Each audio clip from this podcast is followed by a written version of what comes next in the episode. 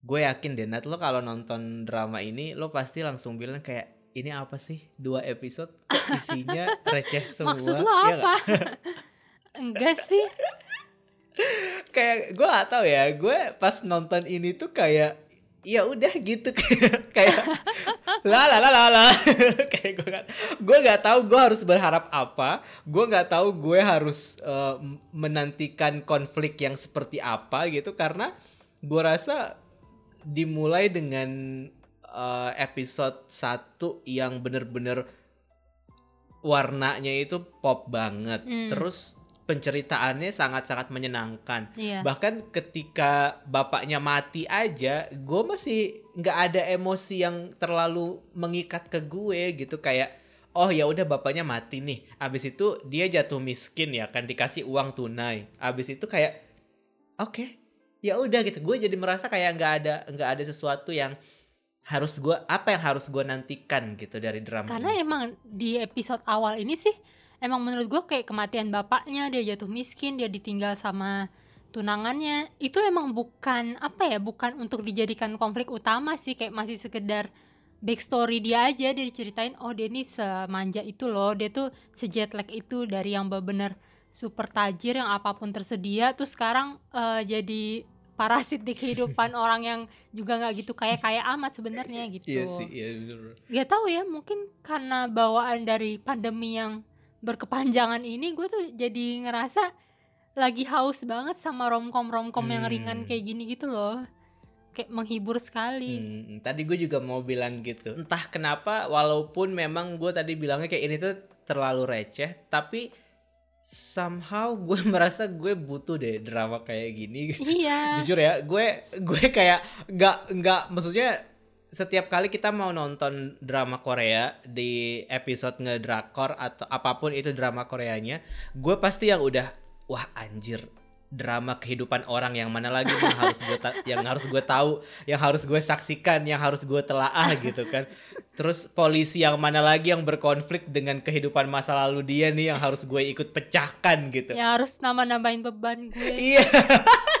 Pas nonton ini tuh kayak wah ini bener-bener semelayang itu gitu Hmm. kayak nggak nggak nggak perlu kayak lo memikirkan hal-hal yang berlebihan Hmm. terus juga terlalu menelisik ke detail-detail dan segala macam tuh menurut gue kayak ya udahlah gitu. Gue masih masih merasa dua episode pertama dari drama Korea ini yang mana belum kita sebutin dari tadi judulnya apa ya. Judul judulnya agak-agak ganggu sih karena susah banget buat diketik dan sebagai content writer males banget gue ngetik judul drama sepanjang ini. Iya. Dodo sol sol lala sol. Kayak capek banget gak sih lo ngetiknya kayak spasinya aja dia ada berapa kali spasi gitu walaupun kata-katanya pendek-pendek. Bahkan di Dodo sol sol lala sol. Hmm. bahkan di medsosnya KBS sendiri pun akhirnya itu ketahuan kalau mereka sendiri juga nge yang di kolom komen atau apanya dia nyingkat juga jadi dodol sol doang. Eh dodol sol doang. Karena kepanjangan. Iya kan soalnya ganggu panjang banget ngetiknya. apalagi waktu gua belum ngerti kalau ini tuh eh, apa notnya lagu Twinkle Twinkle Little Star gue tuh kayak bingung banget ngafalinnya dodol sol apa sih? gitu. Terus pas pas gue udah ngeliat si Go Araya nyanyiin do eh dodo sol sol lala sol gue baru oh iya ya gue ngerti Iya iya sama tuh gue juga gue juga. Nah kalau gue sih ngelihatnya sebenarnya drama ini itu seharusnya seharusnya ini kan jadi saingannya si Brahms banget kan sebenarnya. Hmm. Walaupun mungkin bisa dibilang kayak nggak head to head saingan tapi lo pasti lo pasti kalau nonton eh, suka nonton drama KBS sama SBS pasti menangkap pola itu. Kalau misalkan SBS bikin drama eh, dokter KBS pasti akan bikin drama dokter Hmm. gitu. Kalau SBS bikin drama A KBS pasti ikut bikin drama dengan tema serupa gitu. Nah ini juga kayak gitu. Sebenarnya kemarin tuh harusnya ini kalau gua rasa memang eh, saingannya sih Brahms karena diumuminnya kan hampir di waktu yang bersamaan kan. Hmm. Cuman karena corona dan segala macam syutingnya tertunda dan segala macam akhirnya baru tayang dua episode nih gitu. Tapi setelah gua tonton ternyata mau disandingin sama Brahms pun sebenarnya enggak juga Enggak. sih karena Brahms kan semelo itu ya. Sementara ini tuh kayak gua ngelihat orang eh, biasanya orang kaya baru gitu kalau ini orang baru jatuh miskin Iya. tuh bisa seproblematik ini ternyata ya tapi ya tetap sih dengan sentuhan drama Korea yang bener-bener aneh yang kayak oh well ya oke lo eh, jatuh miskin kena tipu gitu. Tapi eh, selama sebulan terakhir nih makannya tuh gimana ya mbak? Gitu ya. Terus skincare gimana ya? Kok mukanya tetap bening aja gitu. Udah di ruang ICU abis kecelakaan pun bah masih on point aja gitu. Cuman balik lagi karena ini emang sereceh itu jadi oke nggak apa-apa. Gue masih maklum baik ikhlasin gitu kalau menurut gue Tetap ya kebusukan hati ini tidak bisa berbohong. Gak bisa, gak bisa. Gue jujur aja sekarang mau dibilang overthinking, gue nggak pernah overthinking sama kehidupan orang lain kayak di drama Korea gitu. Kalau di drama Korea tuh kayak wah dia tidur kok bisa rambutnya nggak berantakan aja gue overthinking gitu. Dia miskin banget tapi bisa pori-porinya begitu rapat. wow, handphonenya masih bisa yang dilipet loh ya. Aduh, cuman ini fresh sih menurut gue karena kan beberapa waktu terakhir ini kita emang disajin sama drama-drama Korea yang protagonis utama ceweknya tuh strong kan. Hmm. Terus kayak ngelihat eh, muncul lagi protagonis cewek yang polos yang rada bodoh-bodoh yang nyusahin kayak gini tuh kayak wah udah lama sekali gue nggak ngeliat yang seperti ini gitu. Sumpah, ini tuh absurd seabsurd absurdnya apalagi yang adegan garuk kepala. iya itu parah. itu besin sih parah. gue mau nangis kayak goblok kalau gue gue nggak pernah sih ada di kondisi yang gue nggak bisa ngegaruk. Tapi kayak ya I can relate gitu. Karena kayak lo nggak bisa ngejangkau satu bagian punggung yang lo pengen garuk aja. Itu kan stres ya. Apalagi kayak lo pengen garuk kepala nggak pernah keramas berapa hari. Gue masuk rumah sakit pernah dua minggu dan gue nggak pernah keramas. Dan I know that feeling gitu. Tapi dengan tangan patah dan nggak bisa garuk kepala itu kayak anjir bisa aja lagi dimasukin adegan kayak gitu gitu gue pikir.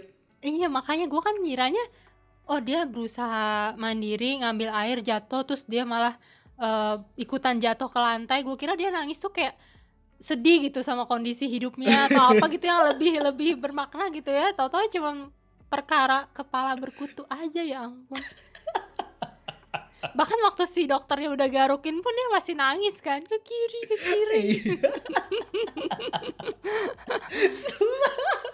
itu kayak gue ketawa lama banget pas adegan itu kayak ya Allah gitu. Tapi untungnya yang beranin ini Goara sih Iya, ya. iya. gue kayak berasa bersyukur gitu karena maksud gue eh, sejak dia main di Reply 94 tuh Goara tuh kan udah jadi aktris yang diperhitungkan banget kan di Hmm, drama hmm, dan terbukti gitu dia bisa mainin karakter-karakter bego kayak gini tuh meyakinkan banget gitu menurut gue. Jadi dapet aja dengan dengan eh, karakter si ceweknya ini yang namanya Rara kebetulan si cewek ini yang sangat-sangat clumsy terus nggak terbiasa dengan kehidupan miskin gitu ya menurut gue Goara bisa memerankannya dengan sangat baik sih Hmm. kalau menurut lo gimana? Iya, gue termasuk yang apa ya? Gue nggak pernah komplain sih kalau misalkan dia yang main Hmm, suka aja gitu kayak pas aja gitu natural. hmm. Apalagi menurut gue muka dia itu termasuk muka artis yang khas banget sih. Yang kayak apa ya? Gue belum pernah nemu artis lain yang mukanya mirip sama dia. Gue suka banget sih sama matanya si Goara ini. Cocok gitu buat jadi kayak tuan putri Barbie yang apa kayak Raya kayak gini. Iya iya iya iya. Gue paling suka sih adegan yang waktu dia abis di kerap, waktu dia abis ke salon yang dia ngutang dulu itu, terus tiba-tiba anak SMA yang anak ibu kontrakannya masuk terus dia rambutnya terbang-terbang itu. gue di situ gue ngeliat kayak wah dia emang cantik sih. Tapi gue nggak setuju kalau lo bilang lo nggak pernah lihat artis yang mirip kayak dia. Oh siapa? Karena Goara ini termasuk artis SM yang mukanya cetakan SM banget. Oh ya? Hmm. Oh oke sebagai eh gue gak akan membantah sama produsernya SM deh. Oke, Dodo Sol Sol Lala Sol. Gimana? Sinopsis singkat boleh Kak Nadia dijelaskan ke pendengar ngedrakor dulu seperti apa sih sebenarnya ini dan mungkin bisa lo lanjutin juga dengan karakter eh, cowoknya si Lee Jae Wook main sebagai Sonu Jun. Agak lucu ya dia nama belakangnya kayak ketukar sama nama depannya iya iya. gitu. sama Wujun jadi ini tuh bercerita tentang Gurara. Dia tuh kayak seorang pianis kayak Raya eh, manja anak papi gitu. Tapi tuh dia mendadak harus hidup sebatang kara dan jatuh miskin gara-gara ayahnya meninggal dunia dalam kondisi bangkrut kan. Utang segala macam udah disita pokoknya. Terus eh, pokoknya karena suatu tragedi akhirnya dia jadi numpang hidup sama seorang pemuda part timer misterius yang beberapa kali nolongin dia gitu. Sebenarnya ini ya gue nonton dua episode awal ini sama sinopsis general yang gue baca di Asian Week itu agak beda ya. Kalau di Asian Week itu kesannya kayak dia akhirnya baru ketemu sama si cowok ini di akademi piano di La La Land di kota itu gitu padahal di sini di dua episode awal ini tentang akademi pianis yang si La La Land itu sama sekali belum muncul sih mungkin itu punyanya si kakek yang belum muncul yang ada di poster itu kan. Nah iya iya, gue juga tadi pengen ngebahas itu tapi nanti kita akan ke situ. Terus gimana? Jadi ya, pokoknya di dua episode awal ini menceritakan gimana si Rara ini akhirnya dari yang super kaya terus jatuh miskin dan sekarang jadi parasit. Waktu itu gue inget lo pernah bilang apa pernah nanya gitu sebelum kita sebelum ini drama tayang kayak lo gue lo pernah nanya ke gue apakah gue pernah nonton dramanya Lee Jae-wook terus gue bilang belum. Hmm. Kalau lo lo lo pasti udah pernah dong. Iya, iya. Gimana? Lo lo ngelihat karakter dia di sini membandingkannya dengan karakter yang dia yang di sebelumnya gimana? Salah satu alasan gue nunggu drama ini sih karena si Jae-wook itu. Hmm. Karena gue udah suka banget sama dia pas di Extraordinary You gitu. Oh iya iya. Di, di Ex- Extraordinary You itu padahal cukup bertabur sama cogan-cogan ya kayak ada sekitar empat cowok ganteng. Cuman gue tuh paling suka sama dia doang gitu walaupun dia tuh bukan pemeran utama. Nah untuk karakternya sendiri tuh dia juga agak mirip-mirip sih. Di situ kan kayak sundere-sundere gitu. Di sini juga kayak gitu kan walaupun eh, kadar keketusan dan kekasarannya nggak sekasar dan sejahat di Extraordinary You sih. Hmm. Cuman kayaknya muka dia tuh pas banget gitu untuk jadi orang-orang sundere gitu. Lo ngerasa vibe-nya kayak Ryu Junyol gak sih? Iya, iya, Hmm, iya benar. hmm, hmm, hmm. Iya benar dari mata-mata sipitnya terus dari Bentuk bibirnya, Bibirnya. sih, iya iya. Ah, iya. ah, ah. Ah. Dan gua agak nggak nyangka sih ternyata dia masih semuda itu. Iya makanya gue bilang kayaknya Nat lo kayaknya emang suka banget sama Brondong apa gimana sih gitu. Enggak tahu mukanya dewasa. 98 loh dia akhirnya tolong. Iya parah. Cuman kayak nggak nggak berasa kalau jarak umurnya sama gua tuh sejauh itu. Iya iya iya. Dan yang gue agak melihat pola yang sama juga sebenarnya belakangan ini tuh banyak banget drama Korea yang menampilkan karakter cowoknya itu banyak banget ya gak sih? Hmm. Kan uh, ada satu shot di episode 2 yang waktu eh episode 1 ya, yang waktu si Rara baru mau pergi ke desa itu kan ada shot yang dia datang apa yang di satu tempat yang di observatori yang tinggi banget itu yang si kakek itu Hmm. muncul terus si dia muncul si cowok ini terus si dokternya juga muncul gitu ada satu karakter cowok juga yang pegang Belum kamera ketahuan. iya belum ketahuan itu lo ngeh Iya. kan sama itu makanya gue pikir ah, Iya, sekarang sekarang drama Korea itu lagi banyak banget ya yang menampilkan karakter cowok yang banyak banget kayak kemarin Was It Love terus uh, To All the Guys Who Love Me juga kayak gitu terus apalagi sih sebelumnya juga ada juga kan yang karakter cowoknya kayaknya Iya, iya. bergelimang gitu Gue sih curiganya si cowok ini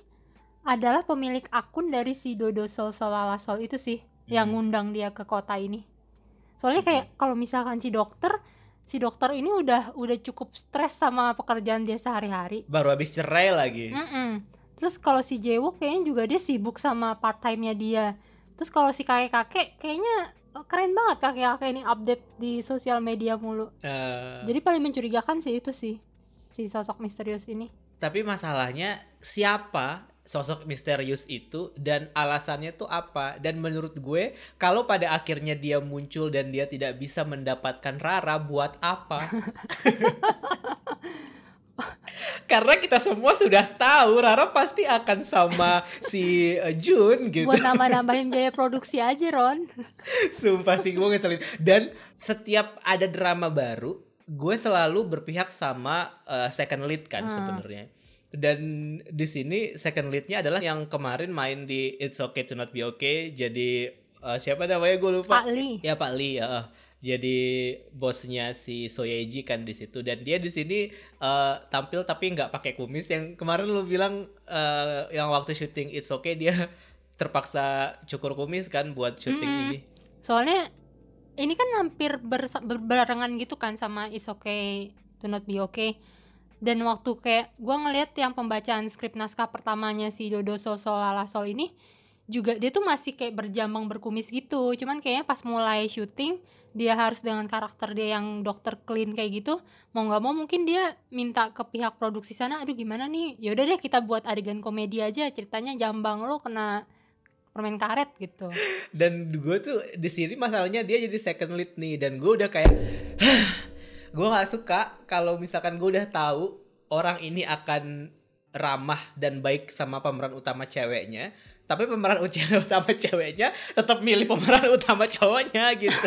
Ngerti gak kayak gue gak suka buat apa purpose lo di dunia ini tuh buat apa kalau untuk untuk nggak dapet juga nih sama cewek ini gitu. Lo kayaknya sambil setengah curcol ya Ron. Enggak maksud gue kayak kesel aja gitu. Karena gue kan termasuk orang yang s- punya kecenderungan untuk mendukung second lead kan. Tapi terus kalau second leadnya second leadnya pun adalah si eh, Kim Joo ini gitu yang sebelumnya di It's Okay to Not Be Okay kayak gue oke gitu berhasil sama mencuri hati acting gitu ya? ya dia udah mencuri hati gitu. Terus dia muncul di sini dengan sosok yang sangat berbeda yang kayaknya baik terus juga ngemong banget gitu dan pasti jadi sosok second lead yang bakal banyak membantu si Rara gitu kan Hmm. tapi buat apa kalau pada akhirnya dia nggak bisa sama Rara gitu maksud gue kenapa sih drama Terus? Korea tuh selalu kayak gitu gitu Padahal second leadnya si kakek-kakek itu aja ya biar jelas-jelas nggak ada yang dukung. atau enggak second leadnya si mantan suaminya eh calon ma- calon man- mantan calon suaminya aja itu kan lebih kayak ya udah nggak akan ada yang tersakiti lo toh lo juga ninggalin gitu kan Eh, si dokter hospital playlist itu ya. Iya, jadi tadi gue nanya lo kan, gue kayak gue pernah lihat deh mas-mas ini di mana ya gitu. Terus kayak gue gatel karena gue males banget googling, jadi gue tanya lo, eh lo malah eh, nggak bales kan? Akhirnya gue googling, siang. oh, oh iya ternyata hospital playlist pantesan gue kayaknya familiar sama dia gitu. Sebenarnya dia juga nggak bisa dibilang jahat juga nggak sih? Eh, jahat enggak, cuma nyebelin banget sih menurut gue. Hmm. Gue tuh paling nggak suka kayak cowok-cowok nggak tegas kayak gitu. Ilfil sih gue. Baper banget ya kita berasa kita yang disakiti. iya. kayak tiap podcast ini selalu ada unsur curcol ya. Tapi gue tuh agak aneh deh sama adegan yang waktu di awal-awal yang di adegan pernikahan itu kayak tetap ya drama Korea dengan segala imajinasi dia yang tidak realistis tapi kita masih bisa maklum gitu. Cuman gue kesel aja gitu yang pas adegan kok Apa bisa lo the kill masuk hotel mewah. Nggak ada security di depan hotel. Mungkin karena dia bawa buket sih tapi kayak mas mohon maaf bau. Iya ya, padahal udah kayak dikasih animasi lalat-lalat berkerubun gitu kan di badan dia. Lagi-lagi keadilan sosial bagi rakyat good looking. parah sih. Cuman emang pertemuan pertamanya gue suka sih. Maksudnya kayak ide mereka men- menampilkan pertemuan tidak terduga seperti di episode 1 ini menurut gue manis sih Hmm. karena kayak apa ya berkesan gitu nggak cuman kita sebagai penonton tapi juga berkesan buat masing-masing karakternya gitu maksud gue ya si Rara juga nggak mungkin nggak nggak mungkin akan dia lupa ada orang yang datang ke pernikahan dia bawa buket terus dia bikin orang itu mimisan gitu Hmm. terus si uh, Jun juga nggak mungkin lupa sama sosok Rara yang hari itu di hari pernikahan dia malah dia non nonjok gue gitu sampai berdarah terus gue harus apa namanya ngetip ek gaun pengantin dia maksud gue kan pertemuan pertamanya itu sangat sangat uh, Berkesan big ya. event gitu berkesan banget sih Mhm. kalau menurut gue dan dan apa namanya lebay lebay tapi dalam konteks drama ini tuh jadi masuk akal gitu sih Ya lagian si Jun ngapain coba? Nganter buket terus tahu-tahu deketin mukanya ke calon pengantin. Iya makanya. Kayak nih orang ngapain sih? Maksud gue iya sih gue tahu lo terpesona. Tapi ya jaga jaga image sedikit kayak harga diri kayak gitu. Apa kayak Hmm. malah langsung jep jep jep jep gitu. Tapi kalau menurut gue dia bukannya terpesona sih. Dia kayak meng- karena dia mengenali Rara, mungkin dia punya rabun jadi dia kayak pengen memastikan dari dekat ini beneran Rara yang gue kenal bukan ya? tapi emangnya dia pernah punya masa lalu sama Rara kalau menurut lo kalau gue sih nggak menangkap itu Iya, malah. menurut gue dia punya. Soalnya pertama yang da- dari dia tiba-tiba ngedeketin muka kayak pengen ngecek mukanya Rara. Terus dia kan ada kan si cewek anak cewek tetangganya itu yang kayak suka banget sama dia gitu, cuman selalu dia ketusin dengan konsisten kan. Jadi menurut gue tuh bu- dia bukan tipe cowok sembarangan yang mau berbaik hati sama cewek gitu, kecuali kalau dia bener-bener eh, udah membuka hati ke cewek itu gitu. Dan kayaknya yang waktu di acara kelulusannya Rara itu yang Rara main piano Twinkle Twinkle Little Star itu dia ada deh di situ juga. secara background dari Jun sendiri kan belum banyak ya di dua episode ini masih Hmm. Rara banget jadi mungkin ada tuh selipan dari cerita yang menghubungkan pada akhirnya apakah memang Jun dan Rara pernah bertemu di masa lalu. Kalau si yang eh, dokter Cha itu menurut gue ya memang kan dia memang punya em, pengalaman sama Rara kan tapi belum dijelasin juga kan itu. Iya, iya itu belum. Dan gue tuh sempet salah paham. Gue kira di dokter Cha ini tuh abangnya si mantan tunangannya Rara. Cuman ternyata kayaknya cuman senior ya. Iya iya iya. Karena pas gue cek namanya ternyata marga keluarganya beda. Dan dan satu lagi yang menarik soal si dokter Cha ini kalau kita lihat di eh, internet kan dibilang dia itu mengidap burnout syndrome kan. Cuman di dua episode awal ini sih sama sekali belum disinggung ya soal burnout syndrome dia itu. Apa sih sebenarnya burnout syndrome itu Nat? Jadi kayak nggak tahu ya koreksi gue kalau gue salah. Gue hanya manusia biasa. Eh kayak semacam apa ya? Lu tuh jadi kayak ngerasa over stress, over kelelahan dengan segala macam tekanan di dengan kerjaan, dengan kehidupan, pokoknya gitu deh. Jadi lu kayak mungkin ngerasa nggak semangat, ngerasa lelah, ngerasa cuma nggak kelihatan ya. Tapi emang kayaknya orang-orang yang kayak gitu selalu nggak kelihatan gak sih? Bisa jadi, bisa jadi sebenarnya itu memicu eh, perceraian dia di masa lalu juga sih. Emang sih di dua episode pertama ini yang paling banyak diceritain memang si karakter Raranya ya dan menurut gue berhasil sih bagaimana mereka menampilkan karakter ini terus juga bikin kita sebagai penonton jadi kayak Iya. anjir nih cewek goblok banget tapi kok lucu gitu. Iya iya iya. Dan kok dengan karakter selucu dan semenyenangkan itu dia nggak punya teman sama sekali ya. Kasihan sih gue. Kayak gue kalau ketemu cewek kayak dia kayak gue mau kok jadi temen dia. Dia tuh terlalu dimanjain sama bapaknya kayaknya terus kayak terlalu senang hidup sebagai orang kaya jadi orang-orang jadi takut minder kali sebelah sama dia. kalau untuk Jun sendiri sih emang paling kita cuman baru dikasih clue doang kan kayak dia tuh sebenarnya lagi bersembunyi dari seseorang kan dikejar-kejar sama siapa sih ibu-ibu yang datang di acara pernikahannya si Rara juga kan Mm-mm. itu menurut lo itu dia nyokapnya atau apa Kayaknya itu gue nggak tahu sih. Tapi mungkin hubungannya malah nanti dari situ yang pada akhirnya bikin kita tahu bahwa ada hubungan antara si Rara ini sama si Jun gitu kayak tapi gua nggak bisa me- belum bisa meng- menghubungkan titik-titiknya sih Hmm. tapi kayaknya dalam proses pencari orang-orang yang mencari si Jun ini sebenarnya masih ada hubungannya sama si Rara Iya, gitu. kalau kalau klisenya sih ya Jun ini ternyata si anak orang kaya juga dan dia agak ada masalah terus kabur kan. Dan ternyata keluarganya Jun ini yang bikin bangkrut ayahnya Rara gitu misalkan. Cuman gue sih berharap nggak seklise itu. Karena kan juga sempat sempat ada si ibu ini kayak di pemakaman seseorang kan. Ingat nggak lo? Nah itu jadi mungkin kayak lebih deep lagi sih mungkin kenapa dia sampai kabur dan dia nangis di jalanan itu si Junnya. Hmm, Iya betul betul. Dan salah satu karakter yang bikin gue penasaran sih karakter si kakek-kakek itu sih sebenarnya. Kayak apa sih kehadiran dia di drama ini tuh sebenarnya menghubungkan titik-titik yang mana gitu. Karena kalau gue lihat di dua episode ini bener-bener kayak ada ada sedikit konflik tapi nggak konflik yang membuat kita jadi kayak tegang atau gimana. Ini bener-bener dramanya chill banget udah literally Netflix and chill ini mah Kalau gue ya sama kakek itu justru gue ngerasa dia bakal jadi kayak ini loh si kepala rumah sakit di It's Okay yang sosok yang bijaksana yang secara nggak langsung tuh menyembuhkan orang-orang di sekitar dia yang di kota itu gitu.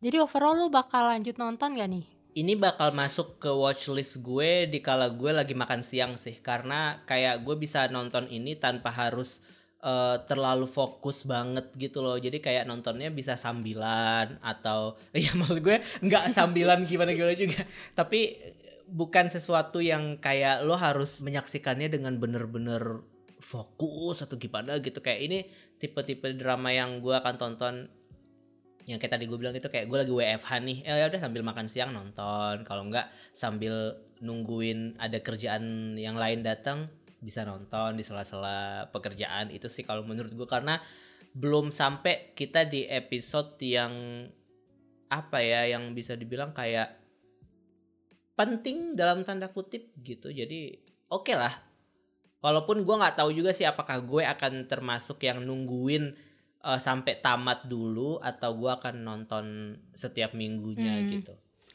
Kalau gue kayaknya gue bakal lanjut deh karena gue udah keburu suka sama karakternya si Rara ini gitu. Karena kan gue sebenarnya tipe yang uh, gue nggak terlalu terikat sama konflik gitu. Mau konfliknya sebagus apa pun, kalau misalkan karakter yang nggak ada yang gue suka, nggak ada yang gue dukung gitu, ya gue bodo amat gitu. Sedangkan si Rara ini tuh udah berhasil mencuri perhatian gue gitu. Jadi kayak oke Rara aku akan menemanimu sampai ending gitu dan ini emang cocok buat tayangan-tayangan sebelum tidur kayak misalkan lo mau relax dulu ngeregangin emosi nonton ini pas banget hmm, sih gue sih kalau pengen sebelum tidur nontonnya The World of the Merit biar mimpi buruk yeah, yeah. gue kira lu pendukung Dakyong Nat. jadi lu suka konflik-konflik yang sangat tajam gitu yang kayak wah pisau-pisau tiba-tiba muncul di punggung lo gitu gunting gue suka gitu. gue juga bahkan lagi ngikutin yang drama baru ongoing yang My Dangerous Wife itu juga kayak konflik rumah tangga dan bahkan itu kayak ada pembunuhan thrillernya pula gitu nggak sekedar uh, perselingkuhan. Cuman nonton kayak gituan tuh emang ada moodnya sih. Dan kayak misalkan kalau nonton kayak gitu tuh gue mesti punya asupan yang kayak gini gitu di sela-selanya. Apalagi untuk saat-saat kayak gini kan udah-udah stres dengan kehidupan terus kayak ya bener kata lo drama kehidupan orang mana lagi nih yang mesti membuat beban hidup bertambah gitu Oke, berarti selain uh, Dodo Sol Solala Sol ini lo ada rekomendasi drama tontonan lain lagi nggak yang sekarang sedang lo cermati dan ikuti? Gue nonton semuanya nih yang baru. Kan ada empat drama baru kan yang baru tayang minggu ini.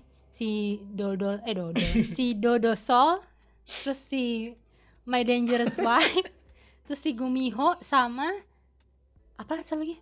Private Life. Nah, gue itu paling suka pertama ini kedua gue uh, suka private life sih. Terus ketiga si my dangerous wife terakhir baru si gumiho.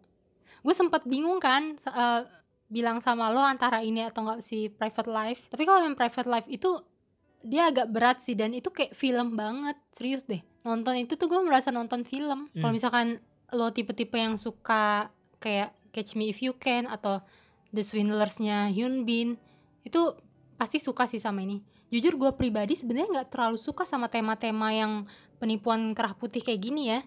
Cuman apa ya menurut gue tuh kemasannya di private life ini tuh sesuatu yang baru gitu loh fresh gitu. Jadi gue kayak masih penasaran masih berusaha mencerna uh, drama ini tuh mau ke mana? Gue belum ketebak sih. Hmm, tapi bagus kalau menurut lo. Episode 1 jujur gue akuin agak bosen. Karena episode 1 tuh masih kayak terlalu fokus sama si Sohyun doang gitu. Sedangkan begitu masuk episode 2 saat si Go Kyung Pyo nya udah muncul itu jadi lebih bagus sih menurut gue. Apalagi dari ending episode 2 itu menurut gue dapat banget sih plot twistnya. Sih kalau yang zombie detektif menurut lo bagus nggak? Kemarin kan sempat lo kasih tahu gue juga kan dan lo bilang kayak eh, enak kok ini lucu ringan gitu. Mm-hmm. itu sebenarnya kayak gimana sih overall ceritanya? Itu juga lucu ringan cuman gue lebih suka lucu ringan tipe si Dodo Sol ini sih. Karena itu kayak apa ya? Itu juga menurut gue style penyutradarannya tuh baru sih kayak bener-bener seslow itu gitu. Jadi kita ng ngikutin flownya si zombie ini. Kayak yang dia jalan pelan-pelan terus dia misu-misu dalam hati kenapa nasib gue kayak gini tuh lucu sih serius. Kayak ya tontonan-tontonan sebelum tidur juga lah. Apalagi di situ ada si ini kan si Baek Gyuri kita bukannya suka sama Bagyuri juga? Di ekstrakurikuler. Ah, ah, Begiri ya ya yang di ekstrakurikuler. Oke oke oke. Ingat tadi kayak sempat Beg oh, Begiri kita kita siapa nih? Maksudnya Nadia lagi ngomong sama siapa gitu kan gua agak-agak. Oh, Begiri ya. Oke oke. Oke, jadi em, buat yang pengen nonton Dodol Dodol Dodol Sol Sol Lala Sol bisa ke Netflix aja tayang setiap Rabu Kamis malam ini ya tayang ya. Di- kita lagi rekaman nih di Rabu malam ini. Dan sekarang udah minggu ini berarti udah empat episode bisa dikejar aja kalau misalkan emang kalian lagi WFH atau mungkin memang lagi nggak ada kerjaan atau mungkin tidak terdistraksi dengan Genshin Impact. Bolehlah nonton ini aja. Gue lagi Genshin Impact nih mohon maaf. Dan Uh, jangan lupa untuk dengerin Ngedrakor di Spotify. Dan sekarang kita udah punya halaman khusus di Detik Hot tinggal dicek aja di hot.detik.com dan kalau mau ikut main Among Us bareng gue sama Nadia gimana caranya Nat? Pantengin Twitternya Ron ya. Nanti disebar kodenya. Iya kita kadang-kadang suka random bikin acara main Among Us bareng kemarin kita sempat main Among Us terus promo Ngedrakor dalam chat room jadi you watch for my tweet aja pokoknya nanti kita akan mengundang kalian main Among Us dan ya seperti biasa Jeffrey Nicole akan selalu dituduh sebagai imposter tenang aja Kamu bisa follow dan download podcast ini di Spotify.